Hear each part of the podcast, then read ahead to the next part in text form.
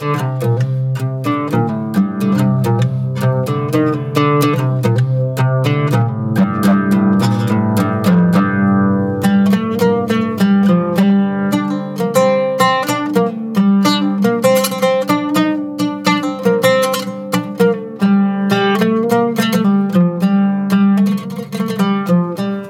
السلام عليكم ورحمة الله وبركاته. أهلا وسهلا بكم آه، في اللقاء الثاني من لقاءات ما وراء القانون عن بعد. آه، وكل عام وأنتم بخير وتقبل الله صيامكم وطاعاتكم. نرحب بجميع الحضور من المحامين والقانونيين والتقنيين والمهتمين بمجال التحول الرقمي في مهنة المحاماة آه، وكمان التقنيات القانونية. معكم أنا عبد الرحمن المشاط وزميلتي بشائر بن يمين راح ندير الحوار. أهلا وسهلا جميع حضورنا. شكرا على الوقت اللي خصصتوه عشان تحضروا معنا اليوم. قبل ما نبدأ خليني أعطيكم نقاط توضيحية عشان نقدر ندير حوارنا اليوم بكل سلاسة. آه، تم إغلاق جميع الميكروفونات لجميع الحضور آه، عشان لقاءنا يمشي بسهولة. وطبعا إحنا خصصنا لكم خانة للكيو إن وتقدروا تطرحوا استفساراتكم فيها. وبإذن الله حنحاول على قدر المستطاع نجاوب على جميع الاستفسارات في الوقت المخصص لذلك. أما بالنسبة لضيوفنا الكرام فإحنا حنشغل ونقفل ميكروفوناتكم تلقائيا أثناء الحديث. شاكر لك أستاذة بشاير. آه الآن آه قبل ما نبدأ خلينا نتكلم شوية عن ما وراء القانون لجميع الحضور واللي انضموا إلينا ممكن هذا أول لقاء لهم.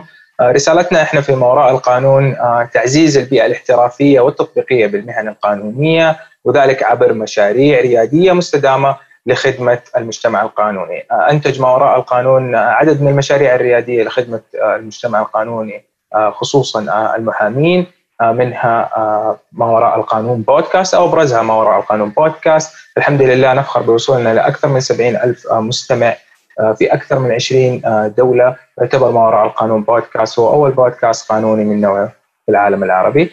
آه، كما أيضا آه، أطلقنا في الأيام الماضية موقعنا الإلكتروني ومشروع مدونة ما وراء القانون وهي مدونة أيضا تسعى إلى تعزيز المحتوى القانوني العربي من خلال مدونات يدونها القانونيين لتعزيز البيئة الاحترافية والتطبيقية بالمهن القانونية. آه، وندعوكم للراغبين بالمشاركة في التدوين معنا في مدونة ما وراء القانون تلاقوا كل التفاصيل عبر حساباتنا في وسائل التواصل الاجتماعي Beyond Law SA وأيضا تلاقوا التفاصيل على موقعنا الإلكتروني beyondlawsa.com طيب آه لقاءنا اليوم موضوع شيق.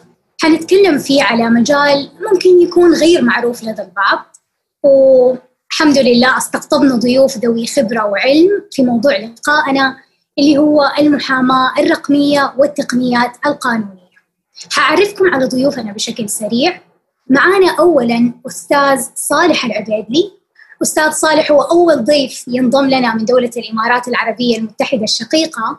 ولمن لا يعلم أستاذ صالح هو الشريك المؤسس لشركة Code Engine Softwares أستاذ صالح هو الشريك المدير لمكتب صالح العبيدلي وشركائه وهو محامي مرخص في جميع محاكم دولة الإمارات ومحاكم مركز دبي المالي العالمي. أستاذ صالح هو محكم معتمد لدى SAD و CAS هو عضو في عدة من اللجان التنفيذية زي اي سي سي إمارات، مركز الشارقة للتحكيم الدولي، والاتحاد الدولي لمحاماة كرة القدم. أهلا وسهلا أستاذ صالح. ضيفنا الثاني هو دكتور حسام فلاتة. دكتور حسام هو وكيل كلية القانون بجامعة جدة للدراسات العليا والبحث العلمي.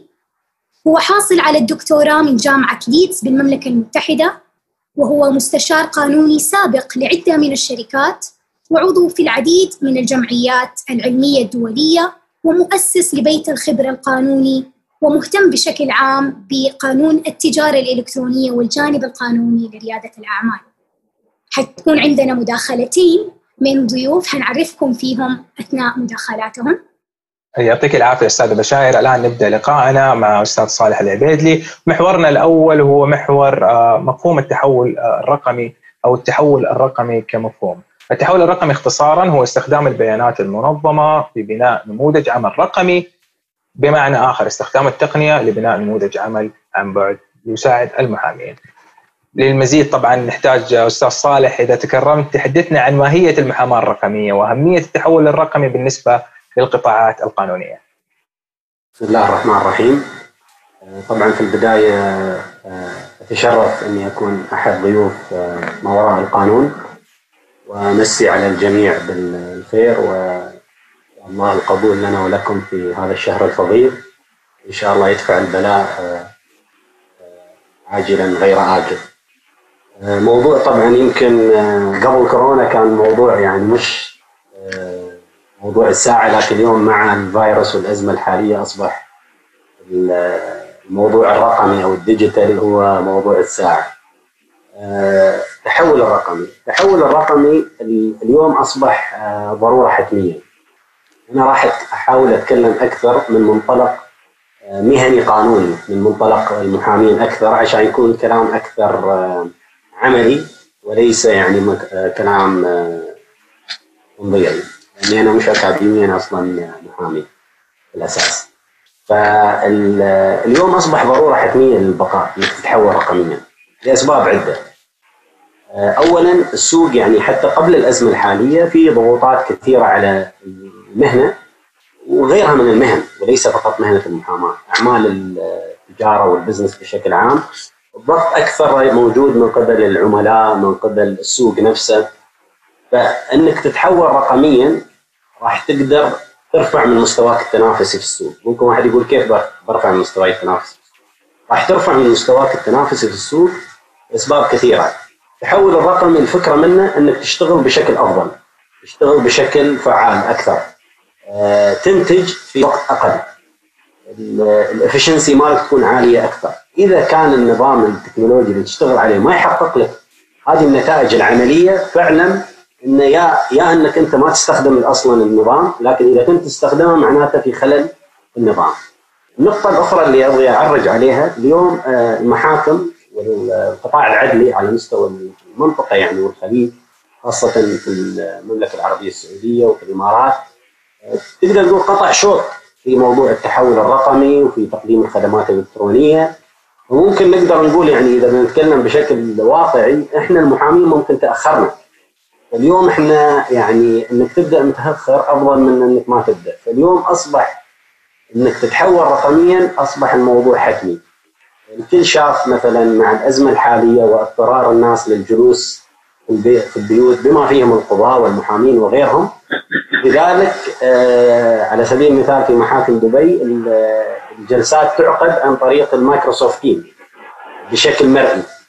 ما حد كان ممكن يتصور في بداية السنة لو في أحد قال لك ترى الجلسات راح تحضرها وأنت جالس راح تحضر جلسات في مدن متعددة في محاكم مختلفة في نصف ساعة ممكن تحضر أكثر من جلسة. يعني كان شيء من الخيال ممكن يعتبر. اليوم أصبح حقيقة بسبب الوضع الحرج اللي آه الكل كان يعني آه متأثر فيه. فهذا فيما يتعلق بال التحول الرقمي طبعا ممكن في الحديث راح يجينا تفاصيل أكثر يعني من ناحية مميزات التحول الرقمي من ناحية يعني تفاصيل كثيرة. جميل.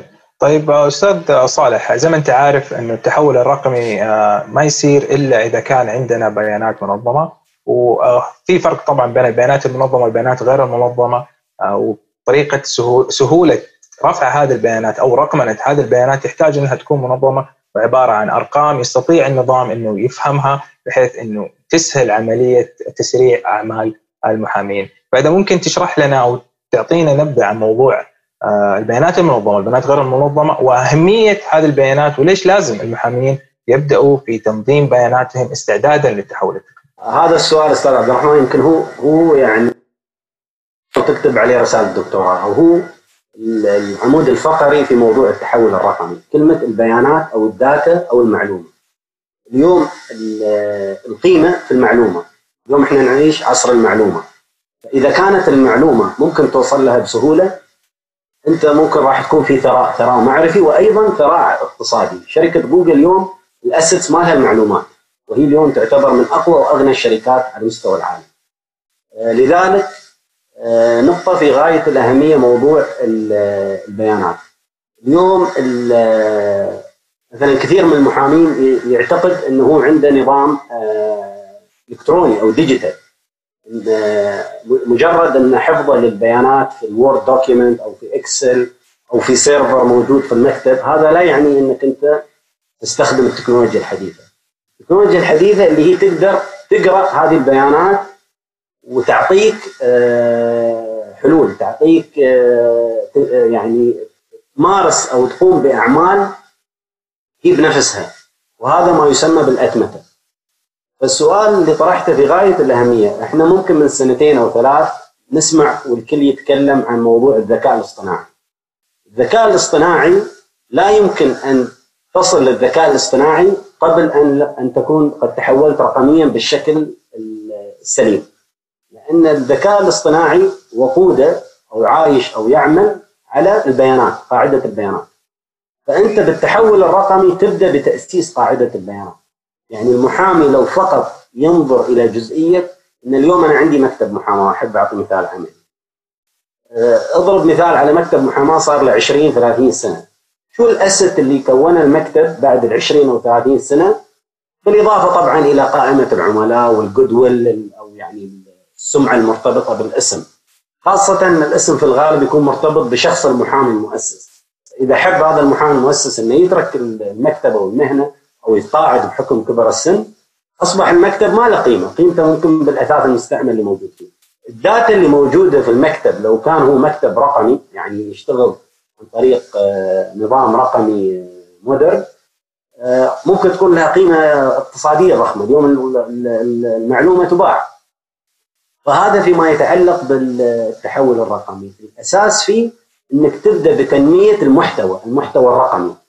وهني أبغي أذكر نقطة في غاية الأهمية، اليوم آه، في السنوات الأخيرة مش الأخيرة في السنوات الماضية الكل يتكلم عن كيف نحمي لغتنا اللغة العربية أو اللغة أو كل يعني وطن يحاول يحمي لغته الإنجليزية والاسبانيه والعربيه والفرنسيه. فكانوا يقولون بتحمي اللغة من عن طريق المؤلفات. اللغة اللي فيها مؤلفات أكثر راح تعيش أكثر وتحمى بشكل أقوى. اليوم أنا أبغي أقول اللغة اللي راح تتحول وتكون موجودة في المحتوى الرقمي هي اللي راح يكون لها الوجود في المستقبل. اللغة اللي راح تظل فقط في الكتب الورقية ممكن بعد فترة قصيرة تندثر مثل ما يشوف اليوم الكل الصحف الورقية وغيرها شبه اندثرت. فهذا يعني هذه هي النقطة الرئيسية في موضوع التحول الرقمي اليوم أصبح هو أساس طيب أستاذ صالح زي ما حضرتك ذكرت الأوضاع الراهنة والأزمات بشكل عام تجعل التحول الرقمي أمر حتمي مو بس لمكاتب المحاماة بل على جميع القطاعات التجارية يعني بشكل عام. من وجهة نظرك خلينا نرجع خطوة وراء وأسألك ليش كان كانت خطوة التحول الرقمي لمكاتب المحاماة في الوطن العربي خطوة بطيئة أو يعني ما كانت بالسرعة المطلوبة عشان نتدارك هذه الأزمة؟ نعم. أنا أول شيء أحب أعطيك معلومة عامة يعني عشان ما نظلم الوطن العربي والمحامين في الوطن العربي. المحامي على مستوى العالم آه، في داخله شخص كلاسيكي يعني الأغلب أنا أتكلم عن الغالبية طبعا في استثناءات دائما. فما يحب التغيير يحب الأمور تكون بشكل يعني مؤصلة ومؤسسة من خمسين سنة و100 سنة. اليوم إحنا في عصر تغير. يعني اليوم العصر اللي الحاجة اللي تاخذها السنة الماضية تصبح اليوم باك ديتد قديمة يعني ما تحس انها ما توفي بالغرض. فهذا ينطبق مش على المحاماة ينطبق على كل القطاعات. اليوم بالعكس يمكن التكنولوجيا في المحاماة التكنولوجيا وصلت متاخره في قطاعات أخرى التكنولوجيا already غيرت شكل القطاع بالكامل. وفي أمور اندثرت وأمور آه، جديدة آه، أصبحت هي عندها الريادة. في مجال ال financial في مجال تجارة التجزئه في أمور آه، كثيرة. ف فاليوم يعني الموضوع أصبح بالنسبة للمحامين على مستوى العالم ممكن أمريكا هي اللي عندها السبق بحكم عندها شركات تكنولوجيا. آسيا نوعا ما. أوروبا أنا أقدر أقول لك ما يعتبر يعني ما يعتبرونهم في الريادة. ممكن بريطانيا نعم بس مش أوروبا كغالبيتها. أنا أتوقع أن أمام المنطقة العربية وخاصة دول الخليج حظوظ كبيرة خاصة مع يعني مثل ما كل شايف أن التوجه الحكومي عندنا في كل دول الخليج دعم لا محدود لتكنولوجيا المستقبل والذكاء الاصطناعي. فأتوقع إن شاء الله مع تكاتف الجهود الجميع راح يكون لنا دور ريادي بإذن طيب حسألك سؤال ثاني تعقيبي. آه، أعتقد أغلب يعني متابعينا من من رؤساء وملاك مكاتب المحاماة عندهم سؤال مرة مهم وهو حفظ سرية المعلومات لعملائهم. يعني أنا كمالك لمكتب محاماة أول سؤال يخطر في بالي طيب ما حيكون في اختراقات؟ ما حيكون في انتهاك لسرية العملاء؟ فعادة إيش هي الأمور أو الإجراءات اللي أنتم تتبعوها عشان تتفادوا هذه الاختراقات أو التسرب ببيانات العملاء بشكل نعم. أيضا سؤال في في غاية الأهمية وسؤال يطرح مع كل تطور أو أمر حديث. يعني هذا stereotype ملازم للتكنولوجيا على يعني من من إحنا طلعنا على الدنيا. كل ما تجي تكنولوجيا جديدة أول سؤال يطلع موضوع سرية المعلومات أو حفظ المعلومات. لو تذكرون حتى سنوات قديمة موضوع ال credit card. أول ما طلعت ال credit card الكل يقول لك لا تستخدم ال credit card. راح تسرق مثلا. اليوم مين فينا ال credit card أصلا ماله مش موجودة في عشرات إذا مش مئات مواقع إلكترونية. مجرد إنك تدخل مجرد تحط الاسم تطلع كامل بياناتك بما فيها ال credit card أو عدد ال credit card اللي موجوده عندك. لذلك اليوم سرية المعلومات بالعكس في العصر الحالي اللي إحنا نعيشه تطور الموضوع بشكل مهول، اولا أصبح قانون يدرس وقانون موجود في أغلب دول العالم data protection. اثنين عقود المحامين وهم يعني هم أصحاب العقود المحامين. آه، في بند خاص آه، تفصيلي فيما يتعلق بال data protection أو حماية آه، المعلومات.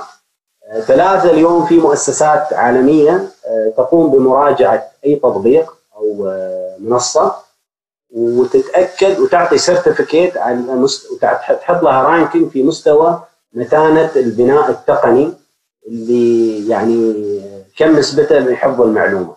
شيء ثاني وين المعلومات محفوظة؟ أغلبها في ال cloud. ال cloud مين اليوم يملكه؟ أكبر شركات العالم Microsoft Amazon بما في ذلك حتى شركات الاتصالات بما في ذلك حتى الحكومات والدول لبعض المعلومات اللي تكون في غاية الحساسيه والأمنية. فاليوم أصبح يعني موضوع حفظ المعلومة قد ما قد ما يكون في ريسك لاختراق المعلومة وأنا ما أقول هذا الشيء غير موجود هذا وارد وراح يظل يكون موجود. لكن الحماية متطوره جميل جدا. شكرا أستاذ صالح على اثرائك في موضوع التحول الرقمي. ننتقل الآن إلى محورنا الثاني. مع ضيفنا الدكتور حسام فلاته اللي نتكلم معاه عن التحول الرقمي الآن أصبح ملحوظ في جميع القطاعات بخصوصها القطاع التجاري والقطاع القانوني. لكن في سؤال يخطر على بال الكثيرين وهو هل يمكن الآن تقديم أو بيع الخدمات القانونية عبر الوسائل التقنية دكتور حسام؟ بسم الله الرحمن الرحيم أول شيء بسالك بالخير وعلى الضيوف الكرام وعلى جميع من يسمعنا. وسعيد بالتواجد معكم لنناقش هذا الموضوع. احس إنه موضوع جدا مهم ويناقش مستقبل آه، الخدمات القانونية في المنطقة العربية السعودية آه، بالنسبة طبعا للتقنية يمكن خليني أبدأ بشكل عام آه، مثل ما ذكر صالح. آه، عشان نعصر الموضوع التقنية تستخدم الآن في عدة مجالات سواء كان في مجال الصحه أو مجال التعليم زي ما إحنا نلاحظ الآن. المنظومه التعليميه باكملها بأكبرها الآن تعمل من خلال وسائل تعليميه من خلال أزمة كورونا آه، دخول التقنية أيضا على مجال التجارة نلاحظ الثوره الكبيره الآن في التجارة الإلكترونية ومدى تقدمها في الوطن العربي. اذا التقنية متى ما آه، تم إدخالها على أي مجال هي تساهم في عملية التطوير بشكل رئيس ودائما ما تستخدم التقنية آه، لما تتميز به من خصائص في تطوير هذه المجالات. آه، مجال القانون طبعا وتقديم الخدمات القانونية لا يختلف عن آه، بقية المجالات. يمكن زي ما ذكرت صالح تأخرنا بعض الشيء كمقدمين لخدمات قانونية ويمكن في تصريح لمعالي وزير العدل سابقا إنه نتمنى أن نطور من خدماتنا القانونية ولعل هذه تكون إشارة إلى آه، استخدام التقنية مثلا في تطوير الخدمات القانونية خصوصا إذا ما لاحظنا النجاح الكبير لوزارة العدل في استخدام أو توظيف التقنية بشكل إيجابي آه، في آه، الأمور المتعلقه بالمحاكم وما إلى ذلك. الحديث عن التقنية وعلاقتها بالقانون يعني متناول في جميع أنحاء العالم بما في ذلك أوروبا وأمريكا كذلك والقليل منه في الوطن العربي إذا إذا حاولنا أن نحصر هذه مثلا المواضيع اللي تتكلم أو كل ما كتب في مجال القانون والتقنيه حنجد إنه هي لا تخرج عن ثلاثة آه، جوانب رئيسية أو إذا كنا نتكلم عن عملية تطوير فهي لا تخرج عن ثلاثة مراحل. آه، يمكن الجانب الأول يتعلق باستخدام التقنية زي ما ذكر الاستاذ صالح في مكاتب المحاماة وهنا في هذا المجال تستخدم التقنية والحديث يكون عن استخدام التقنية بشكلها التقليدي اللي أنا أسميه في آه، كعنصر مساعد في تأدية وتسهيل وتسيير مهام الخدمات اللي تقدمها مكتب المحاماه.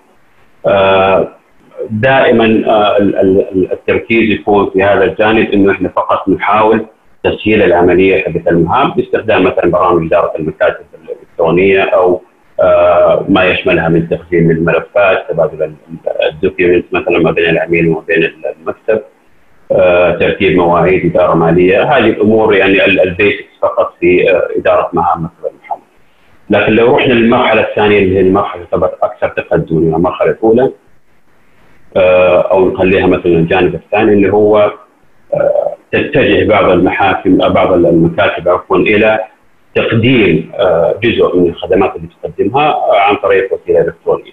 وهذا اعتقد هو سؤالك المحور حول هذه المرحلة اللي هو كيف ممكن إحنا نبيع هذه الخدمات القانونية من خلال وسيلة إلكترونية. طبعا في تخوف كبير من المكاتب انه هي تنتهج هذا النهج آه، لأنه دائما المكاتب بشكلها التقليدي عندها فكر إنه لابد أن يأتي هذا العميل إلى المكتب حتى نكسب هذا العميل وحتى يرى العميل كيف طريقة العمل في المكتب ليش؟ عشان عنصر الثقة. دائما لو جينا نظرنا إلى آه، كيف تنشأ أو كيف يختار العميل المكتب حنجد إنه في عنصرين مهمه جدا. العنصر الأول الثقة والعنصر الثاني اللي هي اللي هو التكاليف. دائما لما أتكلم من ناحية الثقة يمكن هذا حتى كان عائق في آه، تطور التجارة الإلكترونية. آه، الثقة نقصد بها هنا الآن إنه العميل الآن يحتاج إلى محامي يثق إنه هذا المحامي قادر على تحقيق احتياجات العميل وحل مشكلة العميل. هذا بالدرجة الأولى. إذا وجد هذا المحامي ممكن آه، ينظر في الاختيار ما بين الخيارات المطروحة من ناحية التكاليف. فبالتالي إحنا هل بامكان تحقيق هذه المعيارين في آه، التحول الرقمي لمكاتب المحاماة ولا لا؟ آه، كرأي شخصي أرى إنه المكاتب الآن متخوفة من هذه العملية لأن هي تخشى إنه العميل ما يثق أو تخشى إنه هي تفقد جزء من الحصة السوقية لها في آه، مجال تقديم الخدمات القانونية. اذا هل المكاتب شرعت في تقديم هذه الخدمات أونلاين؟ الخدمات هذه إحنا نقدمها يمكن بس بشكل غير رسمي نقدمها للأصحاب للمعارف. كثير من الانتشارات يمكن تكون من خلال الهاتف للمعارف والأصدقاء للاقارب كثير من التعامل يتم عن طريق الواتساب تبادل المستندات آه، صياغة العقود ومراجعتها تتم أحيانا بشكل إلكتروني لكن بشكل رسمي من خلال موقع المكتب مثلا لا. آه، زي ما ذكر الأستاذ صالح يمكن إحنا الفرق في الوطن العربي لو لو نظرنا إلى مثلا الدراسة اللي أجراها هوفسكيت حقت الفوارق الثقافية ما بين المجتمعات. نجد إنه الفرق في السعودية على سبيل المثال أو حتى يمكن ينطبق على الخليج والوطن العربي. نجد إنه هذا الفرد يخشى كل ما هو جديد لذلك هو دائما ضد التحول وضد التغير. وهذا يمكن لاحظناه في الانتقال من آه في تطور التجارة الإلكترونية، المراجع لسيناريو التجارة الإلكترونية وتطورها حيجد إنه كان في تخوف من الإقدام أو الإقبال على ممارسه التجاره الإلكترونية ويمكن هذا هو بسبب آه، مقاومة التغيير، إحنا الآن عشان نتحول من مكاتب بشكلها التقليدي إلى آه، التحول الرقمي نحتاج إنه آه، نقاوم هذا نوجد مقاومة معاكسة لهذه المقاومة. الجزء الأخير اللي أرى إنه مهم هو المرحلة الثالثة. اللي هي التحول بشكل كامل من المكاتب التقليدية إلى ما يسمى بالفيرتوال لو فيرم أو المكاتب الافتراضية للمحاماة.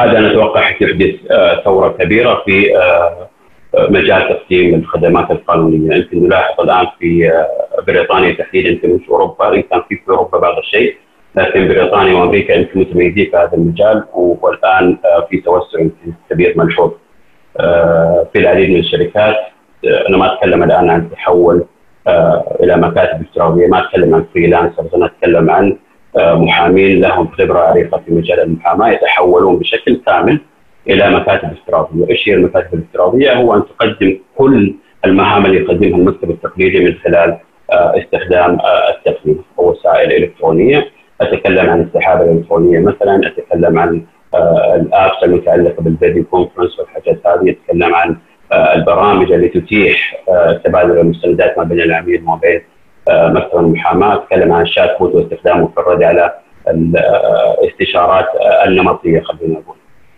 حنجد إنه في أمثلة كبيرة لمكاتب كبيرة في أمريكا مثلا مكتب كولهن فيديوز هذا متميز جدا وأحدث ثورة كبيرة جدا في عالم المكاتب الافتراضية بدأوا بأربعة محامين الآن يمكن في أكثر من 70 محامي في الشركة في أكثر من تسع مواطن. ليش مهم إنه إحنا نتحول رقميا؟ لأنه إحنا قلنا التقنية دائما لها مجموعة من المميزات، إيش هذه المميزات اللي تضاف إذا إذا ما تم استخدامها في مكاتب المحاماة، التقنية دائما تتميز بالسرعه بالمرونه زي ما ذكر الاستاذ صالح فعالية وكفاءة عالية جدا. الفعالية والكفاءة متى ما اجتمعت هي تقدم خدمة بجودة عالية جدا. استخدام التقنية يقلل من التكاليف على المكاتب ال overhead cost فبالتالي حتقل قيمة اتعاب الخدمات القانونية. وهذا مهم جدا. ليش مهم؟ لأنه آه ذكر أحد المهتمين بمجال التقنية والقانون هنري ارسلانيان يتكلم عن إنه في فئة كبيرة من محتاجي الخدمات القانونية لا يستطيعون الحصول عليها وهم من الطبقه المتوسطه ترى. لا يستطيعون الحصول على آه الخدمة القانونية لمجرد انه سعرها مرتفع جدا. بعتقد استخدام التقنية استخدام التقنية الآن حيقلل من الأسعار حيكون في إقبال بشكل كبير على الخدمات القانونية أو يتيح لشريحة أكبر ان هي ترفع الخدمة اللي تحتاجها أنا في نظري الخدمة القانونية إن لم تكن كالعلاج فهي يعني درجة ثانية من العلاج. لابد أن يحصل عليها الفرد في المجتمع. جميل جدا. شكرا دكتور حسام. لكن عندي يعني تعقيب الآن. أشارت اللائحة التنفيذية اللي يعني صدرت قريب بخصوص نظام التجارة الإلكترونية السعودي إنه كان في تحديات واضحة اللائحة لما صدرت كان في يعني ناس كثير فرحانين فيها بسبب التحديات السابقة، إذا ممكن تقول لنا التحديات اللي كانوا بيواجهوها يعني التجار أو خلينا نقول من يبيعون خدماتهم أو منتجاتهم عبر التقنيات الحديثة أو عبر الوسائل الحديثة ما هي التحديات اللي كانت بتواجههم وما هي التحديات اللي راح تواجههم إن شاء الله في المستقبل؟ طيب هي أكثر حاجة يعني كان يخشاها المستهلك سابقا وهي طبعا ترجع إلى الثقة إلى عدم الثقة في التجارة الالكترونيه لذلك أتى النظام ليعزز هذه الثقة الثقة ما بين التاجر وما بين المستهلك. من ضمن الحاجات اللي كان يخشاها المستهلك عدم وصول المنتج مثلا بنفس الخصائص اللي تم الإعلان عنها في الموقع وعدم وصول المنتج نهائيا في بعض الأحيان تكون المتاجر مثلا هي متاجر حقيقية يضعون إعلانات يتعامل معهم المستهلك يدفع الفلوس ما يحصل على بضاعة. يمكن هذا أحد المخاوف لذلك يمكن انتشر عندنا ما هو ما يعرف الآن بالدفع عند الاستلام. الدفع عند الاستلام هذا يعني يمكن كان هو عليه مثلا خطر كبير على المتاجر لكن هو وجد لحل ازمه الثقه ما بين المستهلك وما بين التاجر اذا من الحاجات اللي اتت اللائحه أن تنظمها هي توفير حماية كافية للمستهلك حتى يثق هذا المستهلك في التعامل مع المتاجر الإلكترونية. وفرت اللائحه مجموعه مثلا من المعلومات لابد أن يوفرها التاجر حتى يشعر المستهلك بالطمأنينة ويعرف مع من يتعامل. رخصت وزارة التجارة لشركات تعمل على توثيق المتاجر الإلكترونية. حتى لما يتعامل هذا المستهلك مع التاجر يجد إنه هو يتعامل مع تاجر حقيقي أو يتأكد إنه هو يتعامل مع تاجر حقيقي حجمه من الضمانات اوفيت للمستهلك فيما يتعلق بامكانيه فسخ العقد أو الرجوع عن العملية التجارية. هذه كلها تساعد في تعزيز الثقة لدى المستهلك في المتاجر الالكتروني. جميل جدا. شاكر لك دكتور حسام. أعزائنا الحضور إذا كان عندكم أي أسئلة تقدروا تسألوها الآن في قسم ال Q and A أيضا متابعينا عبر البث المباشر على اليوتيوب يمديكم تسألونا عن عبر حسابنا على تويتر وراح نحاول قدر الإمكان نحن نأخذ الأسئلة ونسألها لضيوفنا. الآن عندنا مداخلة مع الأستاذة سارة السريحي. أستاذة سارة تعتبر من المواهب الكبيرة في موضوع واجهات المستخدم وتصميم واجهات المستخدم. أستاذة سارة خبرة لسنوات عديدة في تصميم المستخدم. حتحدثنا عن واجهات المستخدم بشكل استاذه ساره المايك معك.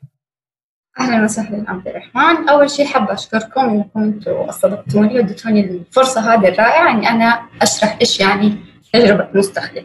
طيب قبل ما أشرح إيش يعني تجربة مستخدم في معلومة مضبوطة جدا منتشرة بين كل الناس اللي هي بيقول لك تجربة المستخدم وواجهات تجربة المستخدم. ارتباطهم الإثنين مع بعض هي لهم علاقة مع بعض بس ما هي مربوطة مع بعض. كيف يعني؟ يعني الشخص اللي مسؤول عن ال UX أو تجربة المستخدم مو بالضرورة هو الشخص اللي حيعمل واجهات المستخدم. حشرح بالتفاصيل إيش الفرق بينهم هم الاثنين طيب تجربة المستخدم هي عبارة عن التجربة نفسها. لو إحنا جينا عرفنا إيش يعني تجربة هي مشاعر الشخص بعد ما عدى في تجربة معينة. يعني سواء كان استخدم منتج معين فإيش إحساسه بعد ما استخدم المنتج هذا؟ أنا والله كنت مبسوط باستخدامي للمنتج هذا لا أنا ما عجبني. آه حسيت إن الموضوع مو سهل أخذ مني وقت مرة طويل أنا ما أفضل استخدم فهو في الأخير هو عبارة عن إحساسه أو مشاعره بعد ما أستخدم المنتج هذا. فضروري نعرف الفرق هذا سواء كان المنتج رقمي أو ما كان المنتج رقمي. يعني in general في الحياة الطبيعية هي عبارة عن experience فال experience عبارة عن مشاعر. أما لو جينا نعرف واجهات المستخدم فواجهات المستخدم هو التصميم النهائي. الشيء اللي أنت بتشوفه بعينك الشيء اللي أنت بتلمسه في شاشة الجوال. فهذا يعتبر تصميم نهائي للمنتج. لكن أي حاجة ما أنت ما بتشوفها ما بتح... يعني ما بتشوفها ما تلمسها فمعناته هذه تجربة. وليش تصميم أو واجهة مستخدم آه بعد كده حتيجي تقولي طب أنت قلتي إن تجربة المستخدم هي هي عبارة عن مشاعر. فأنت كيف حتصمم المشاعر هذه؟ فهو بيسكلي أو بكل بساطة أنا ما أصمم مشاعر لكن أنا ححل مشكلة للمستخدم. حتخليه ينتج عنه مشاعر جيدة تجاه المنتج هذا أو تجاه الخدمة المعينه. فعشان نبدأ أقول كيف أنا بصنع تجربة خاصة بخدمة أو منتج معين في البداية. في حاجتين مرة مهمة أنا لازم أعرفها أنا اللي حتواجهني في تصميم أي تجربة. عندي الشركة اللي بتقدم الخدمة نفسها أو المنتج اللي, بيخرج من الشركة دي في نفس الوقت في الجهة الثانية أنا عندي الفئة المستهدفة من المنتج هذا أو أو الخدمة اللي حيستخدموها. فعندي عنصرين مهمين جدا أنا لازم أركز فيهم وأنا بشتغل. فأول حاجة لو جينا لجهة الشركة أو الشركة المنتجة للخدمة هذه أو البرودكت النهائي ضروري جدا إني أنا أفهم الشركة هذه إيش بتقدم المنتج هذا. إيش أهدافها وين هي بتقدم المنتج؟ إيش احتياجها في السوق؟ موقعها في, في السوق نفسه.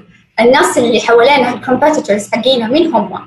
آه بعد ما أدرس كل التفاصيل هذه وأعرف إيش المشكلة اللي بتواجه الشركة هذه وفي الغالب الشركة حتيجي تقول لك أنا عندي مشكلة واحد اثنين ثلاثة لكن في الحقيقة مين هي دي المشكلة؟ حقول لك ليش حتعرف مين حتعرف المشكلة الحقيقية للشركة دي؟ طب أنا دحين خلاص درست الشركة بكل تفاصيلها وفهمت كل تفاصيل واحتياج الشركة. أنا الآن لازم أنقل للجهة الثانية اللي هم الفئة المستهدفة من الشركات هذه. أنا لازم أفرق في الفئة المستهدفة. انه ممكن تكون عندي فئة مستهدفة واحد اثنين ثلاثة لكن لازم يكون في واحدة أساسية وأقوى من الثانية.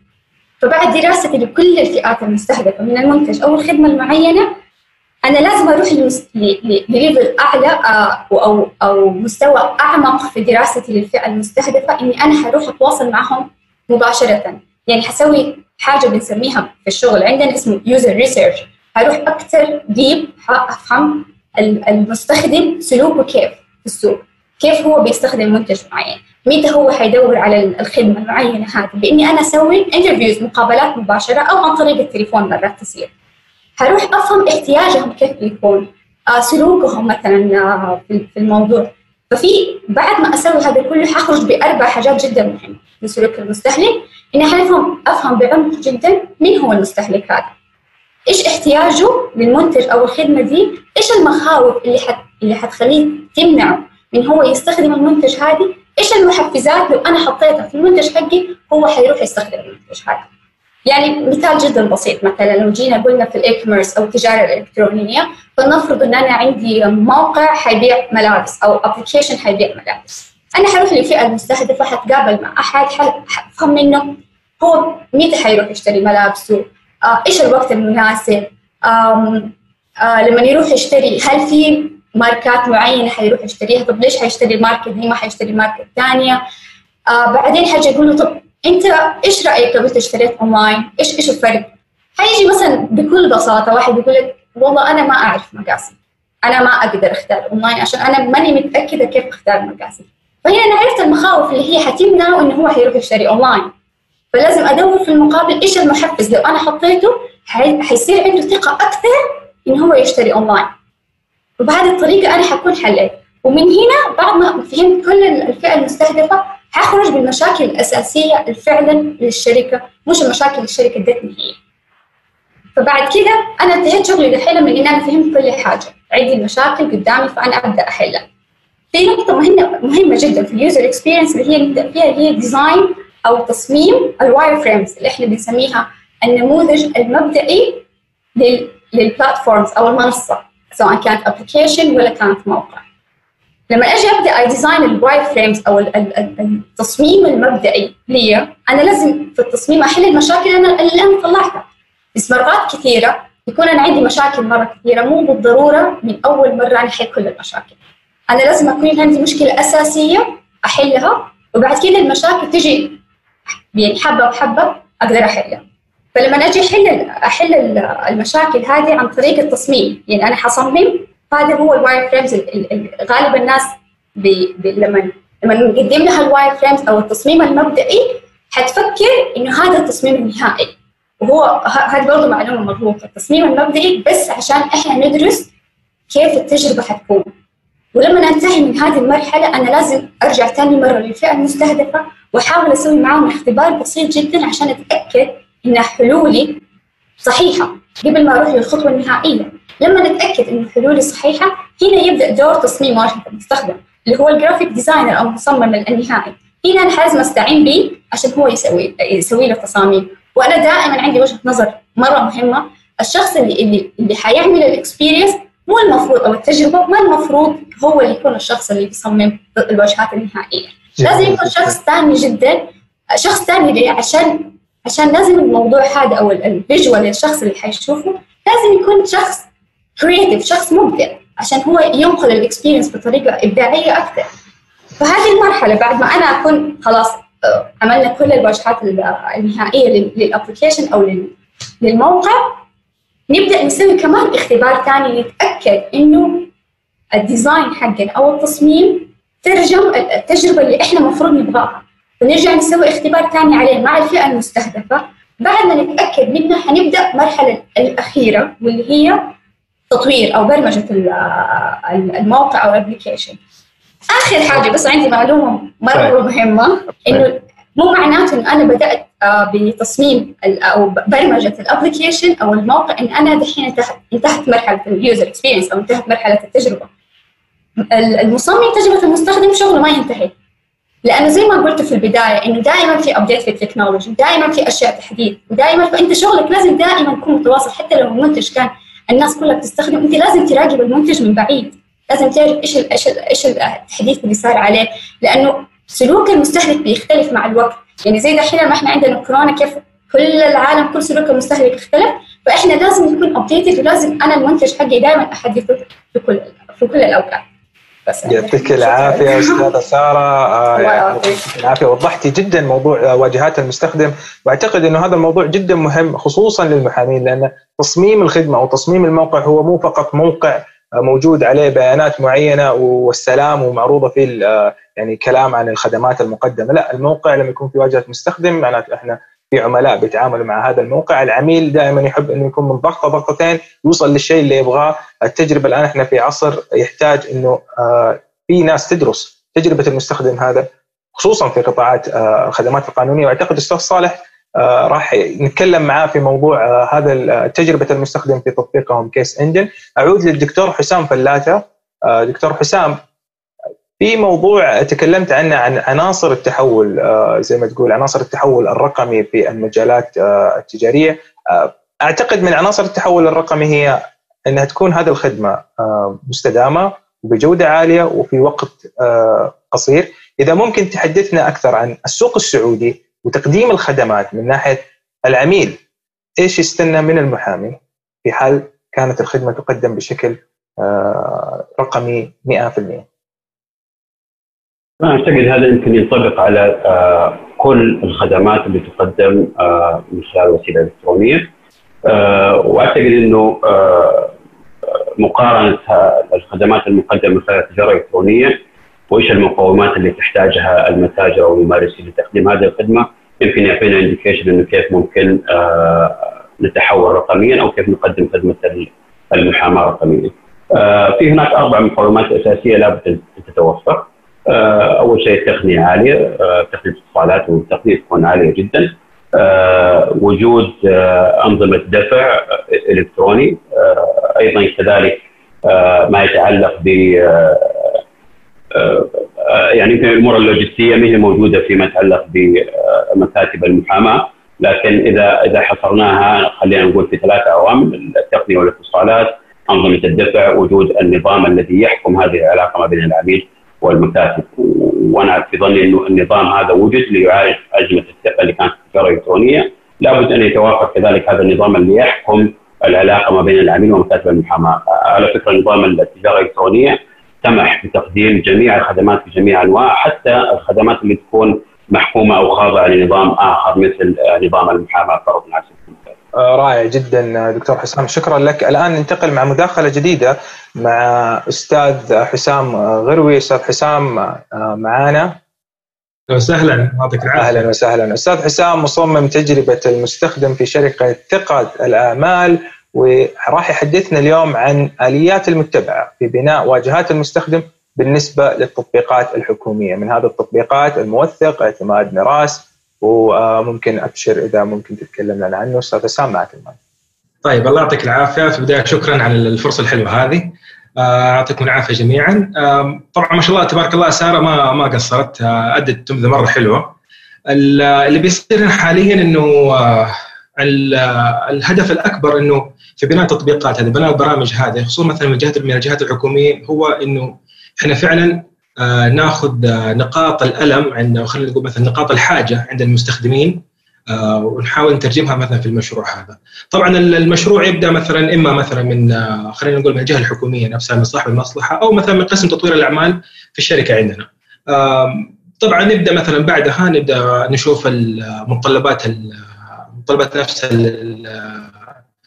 المشروع هذا مثلا إيش المحتاج مثلا مطلوب منه؟ فين مكامن النقص والخلل مثلا نفسه مثلا موجوده حاليا في السوق؟ آه نبدأ آه نطلعها مثلا نقدم اقتراحات لمشاريع لنفس الجهات الحكومية هذه. طبعا بمجرد ما يكون في إن شاء الله ال approval which يعني مرحب به في, في أغلب الأحيان الحمد لله. آه نبدأ نخش إحنا مثلا مع الجهات تحليل الأعمال وتحليل النظم معنا من جهتنا إحنا برضه كمان في الموضوع هذا. دورنا إحنا بشكل كبير هو إنه إحنا لازم ناخذ ال perspective حق أو خلينا نقول المنظور حق المستخدم في في المشاريع هذه. آه، بحيث إنه إحنا نخلق تجربة متوازنة ما بين متطلبات العمل من جهة من جهه من الجهة نفسها المشرعة خلينا نقول مثلا الجهة الحكومية تمام؟ آه، بالإضافة إلى التوقعات مثلا من المستخدم نفسه. يعني okay إحنا الآن بناخذ متطلبات اللي, تكون verbal communicated بس في أشياء أحيانا تكون hidden خلينا نقول إنه sometimes إنه أنت أحيانا أنت تطلب شيء لكن لما يجي يقول لك مو هذا اللي توقعته. فهذا هنا هذا الجانب هنا المهم اللي إحنا نحاول دائما ناخذه ن capture ه في في المشاريع حقتنا. ناخذ ال expectations هذا نحطها نترجمها برضه مع مع المستخدم. طبعا مثلا آه، أحيانا كثيرا انه عندنا مثلا طرق آه، إدخال بيانات كثيرة آه، نحاول مثلا نأخذ الأسهل منها. برضو كمان إنه طبعا لما نبدأ مثلا مع ال user interviews مثلا نحاول نجيب المستخدمين عندنا. يعني لا نحاول دائما مثلا نكون ندخلهم لما نيجي مثلا نحط ال business requirements مثلا متطلبات العمل. غالبا مثلا بنسوي مثلا نرسل استبيانات بنسوي interviews مقابلات مع ناس يكون من نفس أصلا المستخدمين يكونوا هم المستهدفين الرئيسيين في المشروع حقنا. مثلا يعني مثلا في, آه، في اللهم صل محمد في تطبيق اللي هو العقد الإلكتروني للزواج. آه رحنا جبنا رحنا جلسنا مع مأذون وقلنا مثلا إيش المشاكل اللي عندك إيش مثلا أشياء مثلا تطمح لها. آه رحنا مثلا الناس بيخطبوا بيملكوا آه إيش ممكن تحتاج؟ تشوف مثلا في مثلا تطبيقات. قال مثلا والله أنا أنا أحيانا مثلا آه واحد صارت له مشكلة إنه بكرة ملكته وما مو ملاقي مأذون.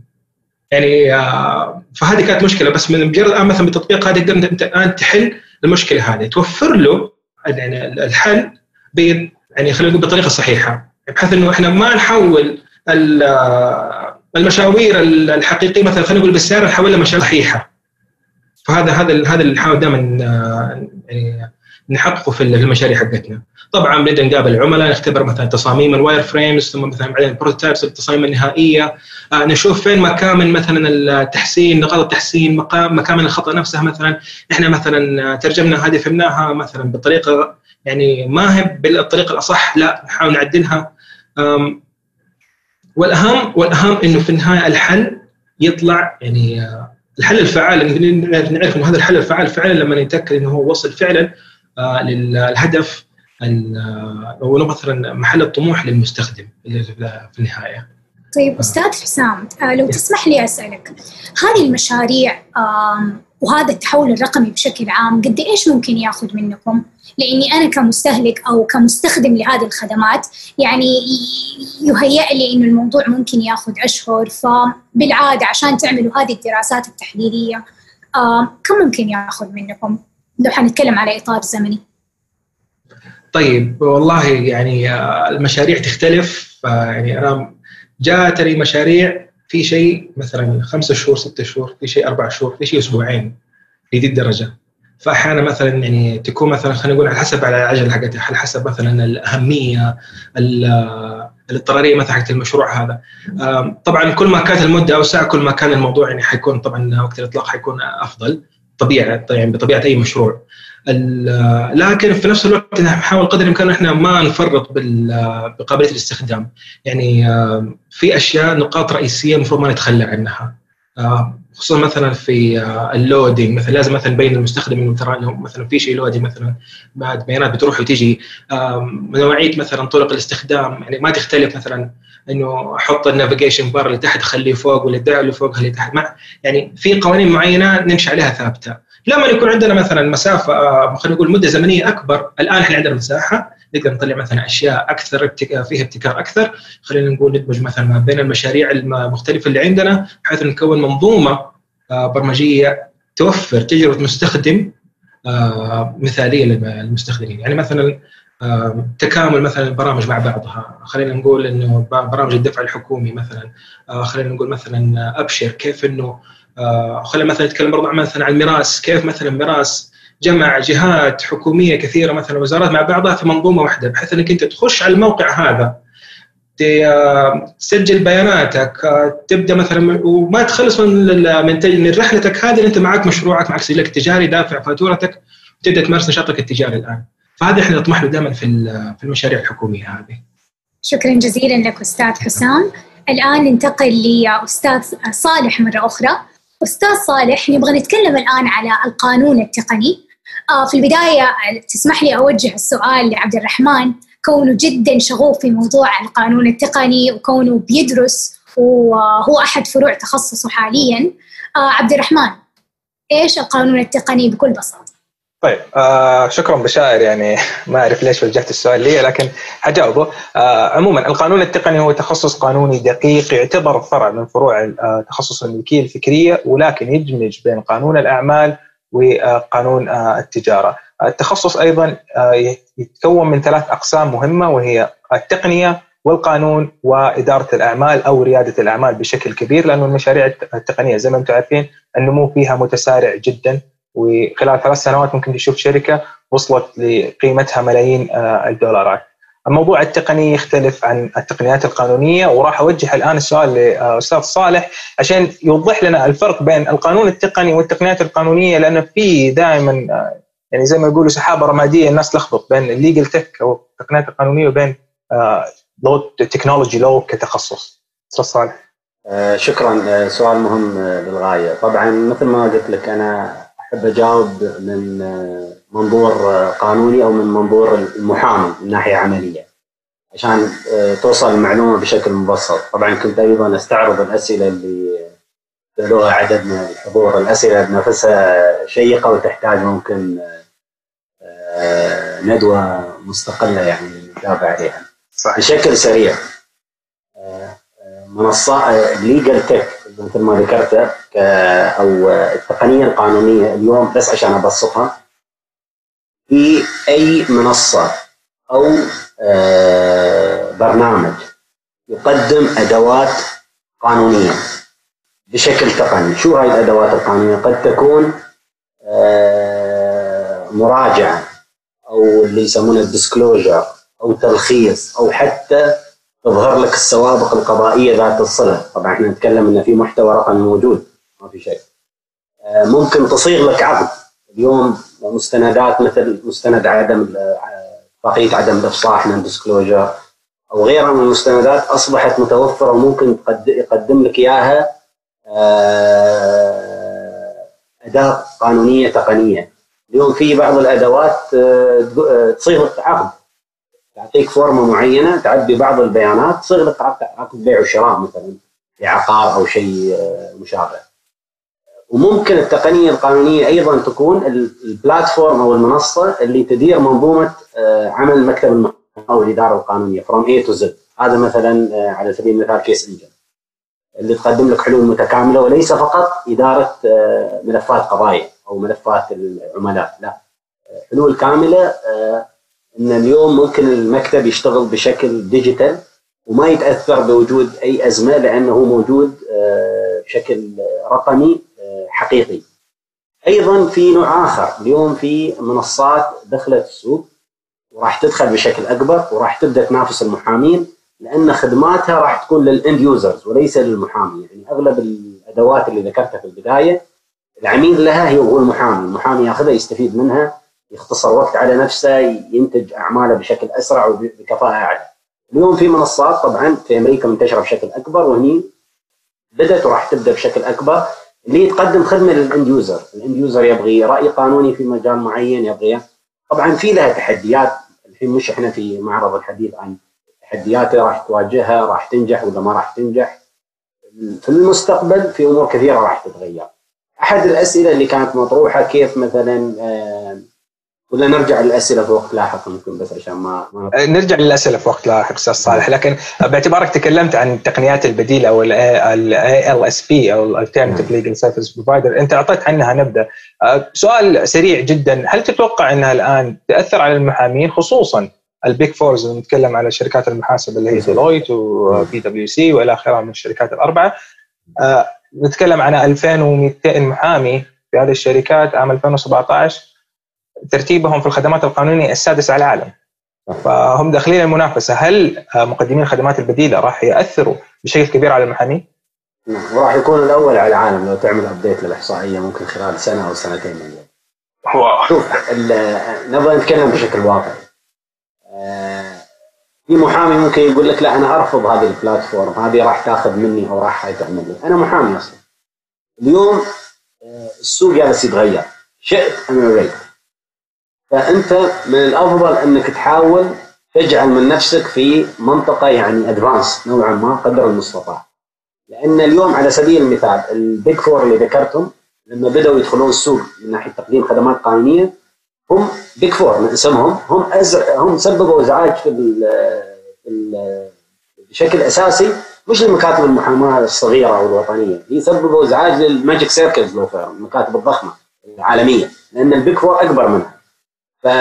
والعميل يبدأ بال Big Four وبعدين كان يروح للمكتب المحاماه لأنه يبدأ في الخدمات الاستشارات الإدارية وال... وال accounting وال taxing وغيره وبعدين يحتاج الخدمة القانونية. فالسوق جالس يتغير فاللي ما راح يتغير مع السوق ما راح يلقى له مكان في المستقبل. آه، بس أعرج سريعا على الكاتب اللي كنا نتكلم عنه قبل ما نبدأ ورشتنا وندوتنا اللي هو ريتشارد ساسكند كتابه المشهور اللي هو آه، نهاية المحامين آه، تغيرت في الطبعة الثانية وأصبحت محامين غد Tomorrow's Lawyer فاليوم المحامي راح يظل موجود وأحد الأسئلة أن المحامي راح يقل الطلب عليه لا المحامي راح يظل موجود لتقديم الخدمة اللي بالفعل تتطلب محامي حقيقي أما الأمور اللي هي مدمجة بين القانون والأدمن وورك والأعمال القانونية البسيطة نعم راح يتجاوزها والتكنولوجيا راح تقدمها. جميل جدا. آه طيب أستاذ صالح آه ننتقل الآن لمحورنا الأخير اللي هو محور آلية تقديم هذه الخدمات وتطبيقكم Case Engine اللي تقدموه في شركة Code Engines. آه في أسئلة كثير على هذا الموضوع في أسئلة عن موضوع آه، أساسيات التحول الرقمي والتحديات اللي حتواجه المستخدمين وطريقة آه، عمل التطبيق. فأتمنى إنك تعطينا تجاوب على هذه الأسئلة من منظور آه، تطبيقكم Case Engine. ممكن اسال بس كم وقت عندنا؟ لأن احب عندنا الان عندنا الآن ربع ساعة وحننتقل بعد على طول للاسئله بإذن الله. أوكي ما في مشكلة. شوف أنا بحاول أتطرق لبعض النقاط اللي ذكروها الزملاء حتى. الأستاذة سارة ذكرت موضوع في غاية الأهمية وأكد عليه الأستاذ حسام. موضوع آه، حتى فيما يتعلق يعني في أبسط الأمور يعني ما راح أقول أبسط الأمور هو كل الأمور مهمة واجهات المستخدم وغيرها. اليوم العميل بفكرة الكلاسيكي يقول لك أنا أبغي أشتري البرنامج. هذا شراء البرنامج هذا فكر تكنولوجي قديم. ليش؟ لأن أنت إذا اشتريت البرنامج ما راح يصير عليه أي تطوير أو تحديث. فبعد سنة أو سنتين برنامجك هذا راح يكون قديم أو يعني حتى العين ما راح تستمتع فيه إذا نتكلم عن الشعور وواجهة المستخدم وطبعا هذا مثال يعني هذه نقطة فقط من ال attractive اللي تكون موجودة في أي برنامج ال features والتطور اللي يصير معاه ف Case Engine هو أصلا آه، يعني تم تصميمه من رحم مهنة المحاماة وليس من الفك يعني وليس من ناحية تكنولوجية بحتة لا. هو ظهر من الحاجة الملحة لمكاتب المحاماة. الكل اليوم يعني الأصل فيه إن آه، في أوقات كثيرة تضيع في أعمال مكتب المحاماة الفكرة منه إنه يرفع مستوى ال efficiency الكفاءة ليش؟ لأن اولا ينمي لك ال data اللي كل مثل ما ذكرنا هي راح تكون ثروة لكل محامي في المستقبل الشيء الثاني من خلال توفر ال data وفي فترة قصيرة جدا في مجرد يعني شهور ما أتكلم عن سنوات راح يبدأ يحقق لك وينجز خدمات من خلال نظام الأتمتة اللي موجود. ما أحب أتكلم بالمصطلحات واحد ممكن يقول لي زين شو راح يقدم؟ شو راح تسوي لي؟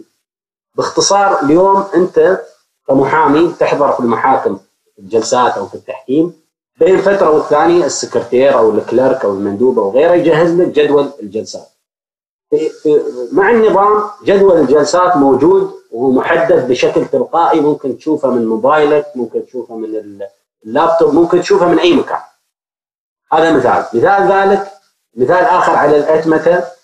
النظام يعطيك بريف سمري من صفحة واحدة في أي فترة من فترات القضية. يعني تخيل قضية جلست في المحاكم ثلاث أو أربع سنوات ملفها عبارة عن عدة ملفات ممكن يعطيك ملخص في صفحة.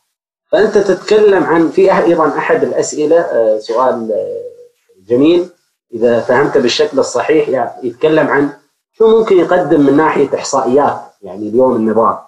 النظام من خلاله ممكن تشوف من يعمل وماذا يعمل. ممكن تشوف آه، ممكن يسهل عليك آلية توزيع العمل بين فريق العمل أو المحامين اللي عندك في المكتب. ممكن يشوف لك مستوى رضا العملاء الفيدباك مال العملاء. ناهيك طبعا هو أكسس من أي مكان في الدنيا. يعني أنت ممكن عندك محامية في المكتب آه، تكون مثلا راح تربي أو في ظروف معينة تبغى تجلس في البيت لفترة معينة. اليوم إحنا اليوم فقط تعلمنا انه ممكن واحد يشتغل من البيت مع أزمة كورونا لما أجبرتنا العمل من المنزل في حين إن العمل من المنزل متوفر وموجود قصدي في العديد من دول العالم ويحقق مكسب للعامل ولا لرب العمل في حسب ظروف معينة لذلك اليوم أنا يعني متيقن إن إذا نعمل دراسة قبل كورونا وبعد كورونا في كورونا قفز بالتكنولوجيا لسنوات إلى الأمام. يعني نسبة المحامين اللي كانت مقتنعة بالتكنولوجيا هي النسبة الأقل. ممكن مع نهاية سنه 2019. لو نتكلم اليوم هي النسبة الأكبر. فيعني نقلة نوعية وراح نشوف يعني نتائجها خلال هالأيام والفترة القادمة حتى على مستوى القناعات لأن في نقطة مهمة أيضا إذا أذكرها طيب. موضوع الإرادة المحامي عشان يطبق التكنولوجيا محتاج إرادة اليوم أصبحت يعني آه، حقيقة أمامه اليوم نعقد المؤتمرات والندوات نحضر جلسات المحاكم كلها من خلال شاشة Zoom أو Microsoft Team أو غيرها من ال platform. طيب جميل يعني أستاذ صالح في سؤال يعني يقول ما هي العقبات اللي تواجه المحامين الآن في مرحلة التحول الرقمي؟ إحنا تكلمنا عن واحدة من هذه العقبات اللي هي عدم وجود بيانات منظمة، لكن هل في عقبات أخرى؟ شوف إحنا إحنا ولله الحمد ما في عندنا عقبات آه، يعني بشكل رئيسي باستثناء إرادة المحامي. العقبات اللي كانت موجودة أمام التكنولوجيا هي أكثرها كان مرتبط مثل أكد مرة ثانية على كلام الأساتذة اللي معانا على موضوع ال user friendly سهولة الاستخدام إذا التطبيق أو البرنامج يحتاج دورات تدريبية أو يحتاج user guide إنك تتعلمه عشان تقدر تستخدمه المحامي ما راح يستخدمه. إذا كان سلس وسهل المحامي راح يستخدمه. هذا واحد. اثنين من التحديات اللي موجودة موضوع اللغة. اليوم إحنا في المنطقة العربية مثل ما تعرف اللغة العربية هي هي لغة القانون ولغة المحاكم. ولكن الواقع التجاري وممارسة الأعمال التجارية أغلبها يقوم باللغة الإنجليزية، طبعا يتفاوت من دولة إلى أخرى ولكن وجود اللغتين مع بعض مهم آه، جدا. هذه إشكالية وتحدي كبير أمام أغلب الأنظمة، يعني أنت عندك يمكن اليوم أشهر برنامج عالمي يقدم اللغة لغة واحدة اللي هو مثلا برنامج كليو. برامج أخرى تقدم فقط اللغة العربية، فعندك هذه الإشكالية، نحن في Case Engine من البداية ارتئينا أن يجب أن يكون البرنامج ثنائي اللغة، بمعنى لو عندك عربي في المكتب لا يتحدث الإنجليزية، وضع update في النظام باللغة العربية وعندك زميل آخر لا يتحدث سوى الإنجليزية راح يقرأ ال update مباشرة بدون اي بدون أي تعاطي فيما بين المحامين الاثنين. جميل جدا. طيب أستاذ صالح في سؤال يعني أنا أعتقد إنه هو جدا آه، يعني مهم ودقيق. والسؤال كان هل تفيد الإحصائيات الوصفية لبيانات العملاء في اتخاذ القرارات بشأن سير العمل داخل مكاتب المحاماه؟ أنا أعتقد في Case Engine إنه Case Engine يساعد المحامي آه، بإعطائه بيانات معينة أو خلينا نقول KPIs بحيث إنه يستطيع آه، تقرير أو اتخاذ قرارات مستقبلية أكثر وضوحا وأكثر دقة. صح ولا؟ صحيح 100% وهذا السؤال اللي كنت آه، أشرت إليه أنا تو في معرض حديثي قبل ثواني إن البرنامج راح يعطيك data من خلالها إدارة المكتب تقدر تقدر وتقرر في مسائل كثيرة منها مسائل التطوير، التدريب، التأهيل، الترقية، البونس، مسائل كثيرة. وأيضا راح تقدر تضع يدها على مواطن الخلل وعدم رضا العملاء، لأن في فيدباك حتى من العميل يجي مباشرة، شوف اليوم التكنولوجيا اليوم غيرت حتى نظام المراقبة، يعني في السابق أنت تضع موظفين متخصصين للمراقبة، تجيب شركات عشان تراقب، اليوم وأنت نازل من سيارة الأوبر تضع الفيدباك بضغطه زر صحيح ولا لا؟ التكنولوجيا الحديثة تتطلب هذا النوع من سهولة تقديم الفيدباك أو سهولة تقديم المعلومه. آه، ففي نقطة أيضا مهمة أبغى أعرج عليها موضوع التراكم المعرفي اللي موجود في مكاتب المحاماة. اليوم أحد الأصول أو الأسس الأساسية في أي مكتب محاماة المعرفة الموجودة في هذا المكتب، التخصص الموجود في هذا المكتب. طبعا الأصل بشكل تقليدي المعرفة تكون مرتبطة بشخص المحامي أو المحامين وكل آه، محامي بيجي بالطريقة التقليدية راح يعني ممكن اليوم مساله قانونيه واحدة في مكتب المحاماة تبحث 100 مرة لأن كل محامي يبحثها ونفس المحامي يمكن بعد سنة أو سنتين يرد يبحثها لأن الذاكرة ما تسعفه طبيعي. اليوم نظام الكيس إنجن يوفر لك يعني يبني لك مكتبتك الخاصة. هذه نقطة أخذناها بعين الاعتبار إن الكي إن النظام يوفر لك مكتبة قانونية أنت صممتها ولكن بدون جهد. يعني أنت ممكن تحول عليها أي حكم قضائي أي مستند ويصير له category بطريقة أنه ممكن ترجع له بشكل آه، سهل من خلال keywords بسيطة. وممكن يرجع لها شخص أصلا ما يدري مجرد يعمل search نفس ما تعمل ال search في مثلا لكسس نكسس أو حتى في جوجل فهذه نقطة في غاية الأهمية وقيمة مضافة كبيرة تعتبر طيب أستاذ صالح إحنا من منصة ما وراء القانون نحب نهنئكم على تعاقدكم مع أول عميل في مكتب سعودي. آه الآن عندي سؤال حابه أوجهه دكتور حسام، دكتور حسام كنت بتتكلم على معيار الثقة وكيف إنه هو جدا مهم بين مقدم الخدمة الإلكترونية وبين المستهلك.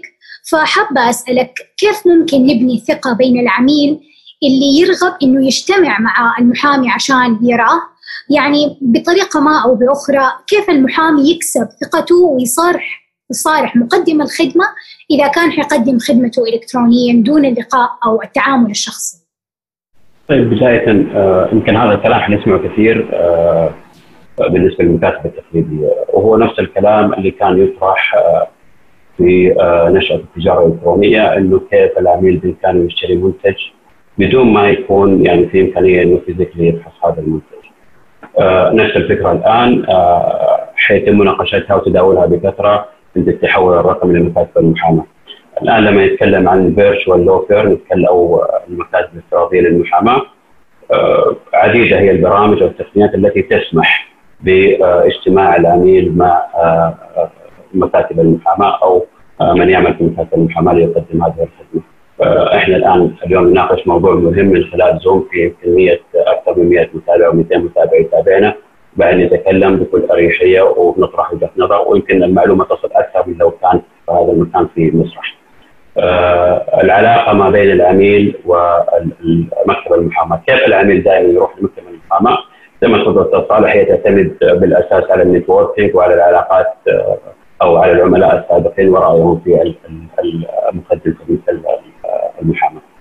آه، ببساطة في المتاجر الإلكترونية كان نفس ال case وال review الآن اللي يطرحه العميل والتقييم اللي يعطيه العميل لمزود الخدمة هذا هو الآن يقوم مقام التوسعه من من العملاء السابقين بالنسبة لمكاتب المحاماة، فإذا آه، الثقة ابتداء لم تكن موجودة حتى يسمع العميل أو يوصي هذا العميل آه، إلى عميل آخر انه هذا المكتب مثلا مناسب جدا وهذا المكتب يقدم خدمة قانونية بجودة عالية، فبالتالي يذهب العميل إلى هذا المكتب ومن بعدها تنشأ علاقة الثقة ما بين العميل وما بين المستهلك.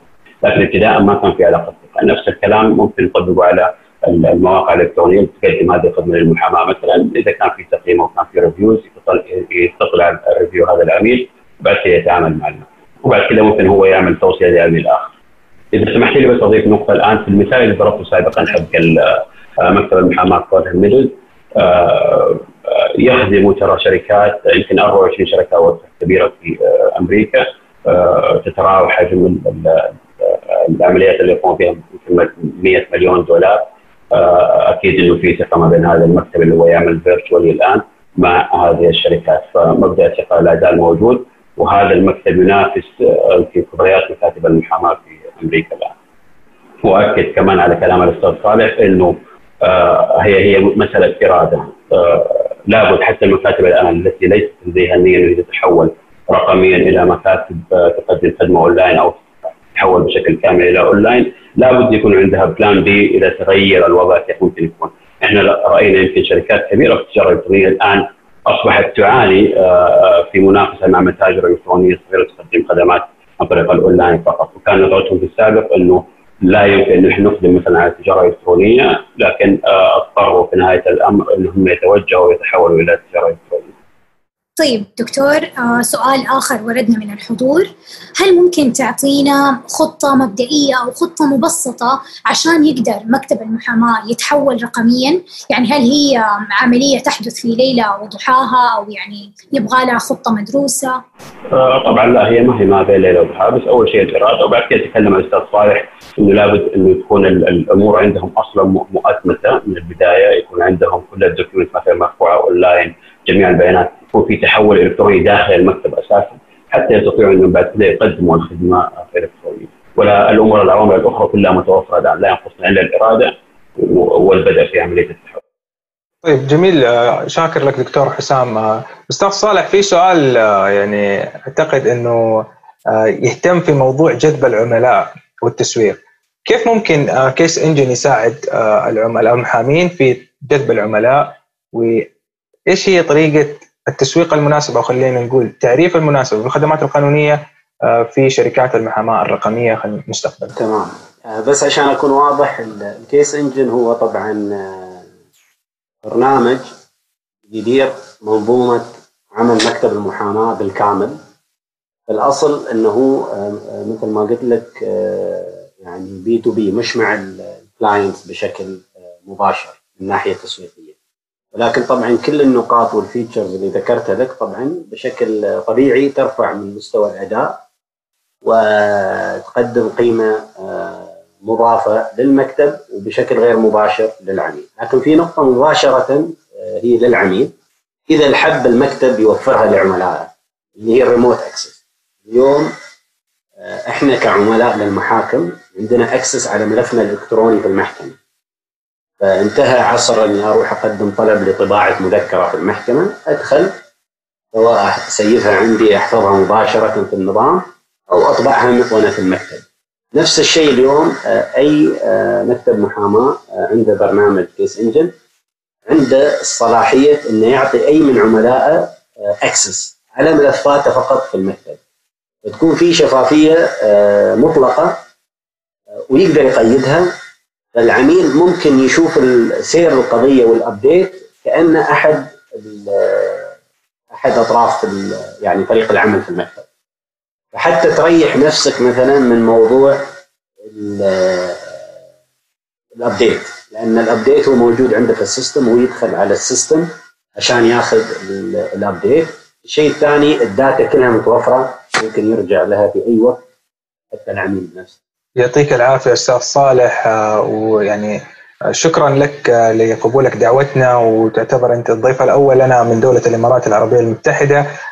نشكرك وصلنا لآخر اللقاء. شكرا لدكتور حسام فلاته. شكرا لوقتك معنا. وشكرا أستاذ حسام غروي وشكرا أستاذة سارة. في ما لكن الوقت ما راح يسمح لنا إن نطرحها الآن. آه، راح نرسلها لكم آه، اساتذتنا وإن شاء الله في حال أخذنا إجابة على طول آه، بنرسلها لضيوفنا أو إذا استفسروا عنها عن طريق الإيميل راح نرسل لهم الاجابات ضيوفنا الكرام شكرا لكم لمتابعتكم. جميع الأسئلة والاستفسارات في حال رغبتم بسؤالها تستطيعون سؤالها عن طريق info at beyondlawsa.com راح نستقبلها إن شاء الله ونرد عليها. ونتمنى أن نلتقيكم في لقاءات قادمة بإذن الله. في اليومين القادمة راح تستقبلوا إن شاء الله آه، آه، زي ما يقولوا استبيان آه، من أجل اللقاء معلومات اللقاء تقييم للقاء. عشان نطور إن شاء الله من لقاءاتنا القادمة راح يتم رفع هذا اللقاء على اليوتيوب وجميع قنوات البودكاست الخاصة بما وراء القانون. شكرا لكم ونلتقيكم في لقاءات قادمة. يعطيكم العافية. شكرا. شرفنا بمعرفتكم وبلقائكم. شرف لنا. شرف لكم جميعا. يعطيكم العافية. يعطيكم العافية. شكرا لكم. Thank you.